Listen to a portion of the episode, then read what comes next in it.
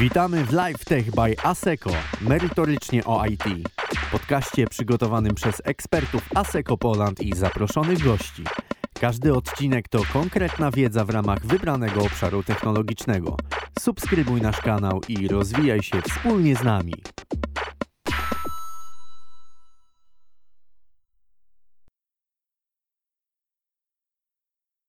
Cykl Podstawy Java, epizod pierwszy.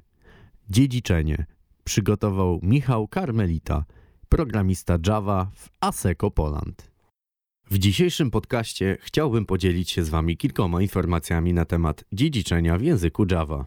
Mechanizm ten jest fundamentem nie tylko Java, ale także każdego innego obiektowego języka programowania. Struktura dziedziczących po sobie klas pojawia się w zasadzie w każdym programie napisanym w Javie, dlatego bez wątpienia warto zgłębić tajniki tego zagadnienia. Przejdźmy zatem do konkretów. Na początek dwa słowa. Czym w ogóle jest dziedziczenie? Zgodnie z definicją zawartą w Wikipedii, jest to mechanizm współdzielenia funkcjonalności między klasami. Klasa może dziedziczyć po innej klasie, co oznacza, że oprócz swoich własnych atrybutów oraz zachowań, uzyskuje także te pochodzące z klasy, z której dziedziczy. Sama definicja brzmi już obiecująco. Skoro dziedziczenie jest mechanizmem współdzielenia, to znaczy, że pozwala ono napisać coś raz, a wykorzystać kilka razy, a tym samym zaoszczędzić czas i zapewnić bardziej spójny kod.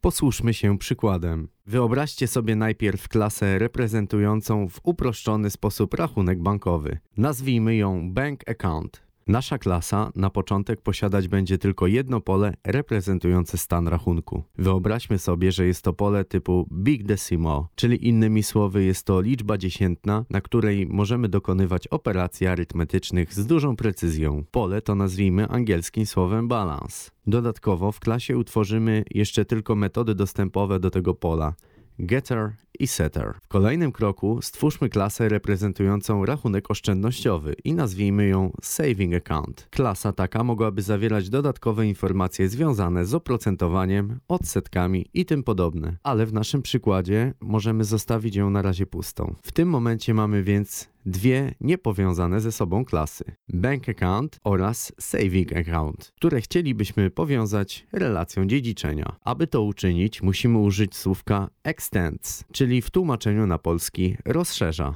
Tworząc klasę reprezentującą rachunek oszczędnościowy napiszemy saving account extends bank account. W tym momencie z poziomu klasy saving account zyskaliśmy dostęp do pool i metod klasy bank account.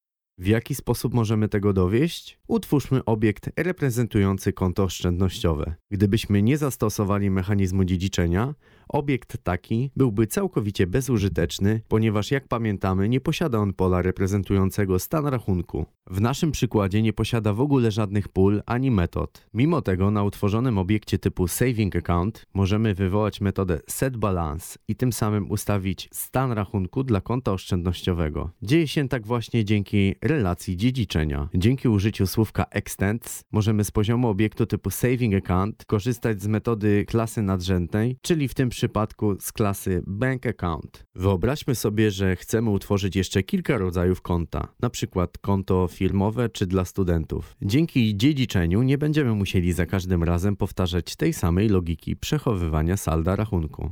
Jeżeli zechcemy ją zmienić, wystarczy, że zrobimy to w jednym miejscu, czyli w tej klasie, z którą dziedziczą pozostałe. Przytoczony przykład może wydawać się trywialny, ale nie trudno wyobrazić sobie, że w przypadku rozbudowanej logiki mechanizm dziedziczenia potrafi przynosić naprawdę duże korzyści. Posługując się dziedziczeniem w Javie, musimy pamiętać, że konstruktor klasy nadrzędnej nie jest dziedziczony przez klasy, które ją rozszerzają. Aby zobrazować ten problem, zmieńmy nieco nasz wcześniejszy przykład. Klasa Bank Account posiadała dotychczas jedynie pole balance oraz getter i setter do tego pola. Wyobraźmy sobie, że nie chcemy, żeby istniało konto bez stanu rachunku. Stan ten może wynosić 0, musi jednak istnieć, nie powinien być nulem. Zmieńmy zatem klasę bank account w ten sposób, że dodamy do niej konstruktor, który przyjmie jako parametr liczbę dziesiętną i w tym momencie tworzenia obiektu liczbę tę ustawi jako stan konta, czyli przypisze do pola balance. W klasie saving account nie dokonujemy na razie żadnych zmian. Spróbujmy teraz ponownie utworzyć obiekt saving account. W tym momencie rodzi się pytanie, jak mielibyśmy utworzyć taki obiekt. Czy powinniśmy to zrobić tak, jak poprzednio,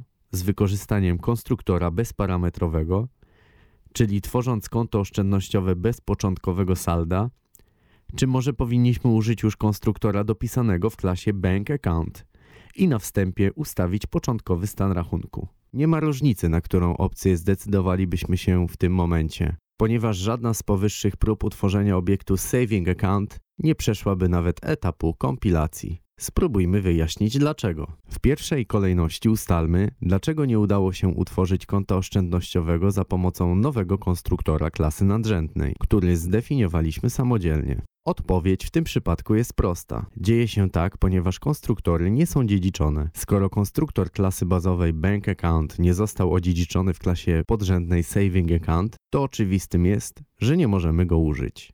Dlaczego jednak straciliśmy możliwość wykorzystania domyślnego, bezparametrowego konstruktora tworzonego niejawnie przez Java, który został przez nas użyty w pierwszym przykładzie?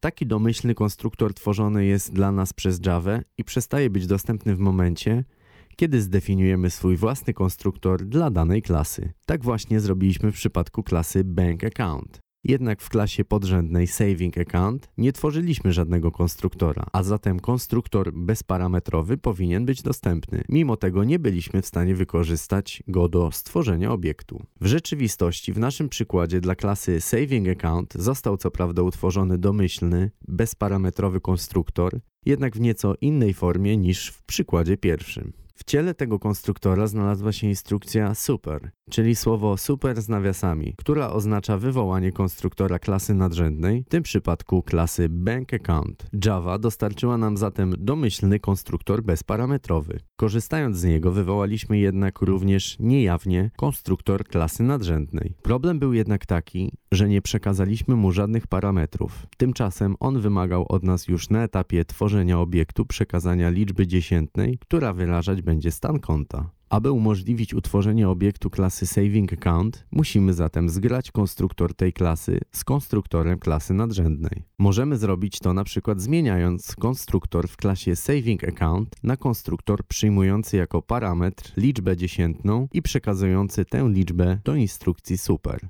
Za jej pośrednictwem liczba trafi do konstruktora klasy nadrzędnej. Jeżeli w konstruktorze klasy Saving Account chcielibyśmy zawrzeć jakąś dodatkową logikę, to jest to jak najbardziej możliwe. Musimy jednak pamiętać, że słówko super, czyli wywołanie konstruktora klasy nadrzędnej, musi pojawić się jako pierwsza instrukcja w konstruktorze klasy dziedziczącej. Pozostała logika znaleźć się może dopiero w kolejnych wierszach programu.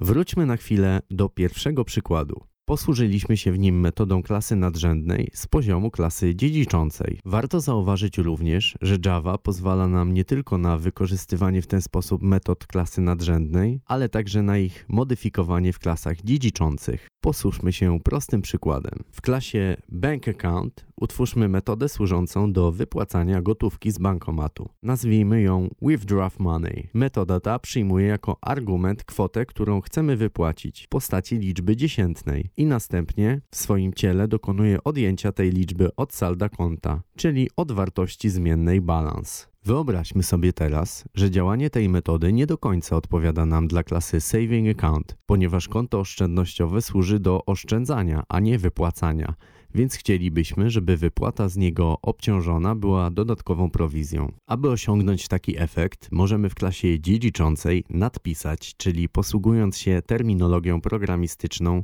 przesłonić metodę klasy nadrzędnej. W tym celu w klasie Saving Account powtarzamy deklarację metody Withdraw Money. Następnie w jej ciele od wartości salda najpierw odejmujemy prowizję, a następnie wywołujemy metodę klasy nadrzędnej, ponownie używając słowa super. Warto zauważyć, że w przeciwieństwie do konstruktorów, w metodach instrukcja super nie musi występować jako pierwsza. Co więcej, nie musi się ono w ogóle pojawić. Dziedziczenie pozwala nam zatem na bezpośrednie wykorzystanie metod klas nadrzędnych, na ich wywołanie za pomocą słówka super i obudowanie dodatkową logiką a także na całkowitą zmianę danej metody w klasie dziedziczącej. W każdym przypadku, kiedy decydujemy się na przesłonienie metody, powinniśmy jej deklarację poprzedzić adnotacją add override, która stanowi informację dla kompilatora, że metoda jest przesłaniana. Przesłaniając metody w Javie, musimy pamiętać, że działanie takie nie jest możliwe dla metod prywatnych. Możemy co prawda stworzyć prywatne metody o takiej samej nazwie, zarówno w klasie nadrzędnej, jak i dziedziczącej,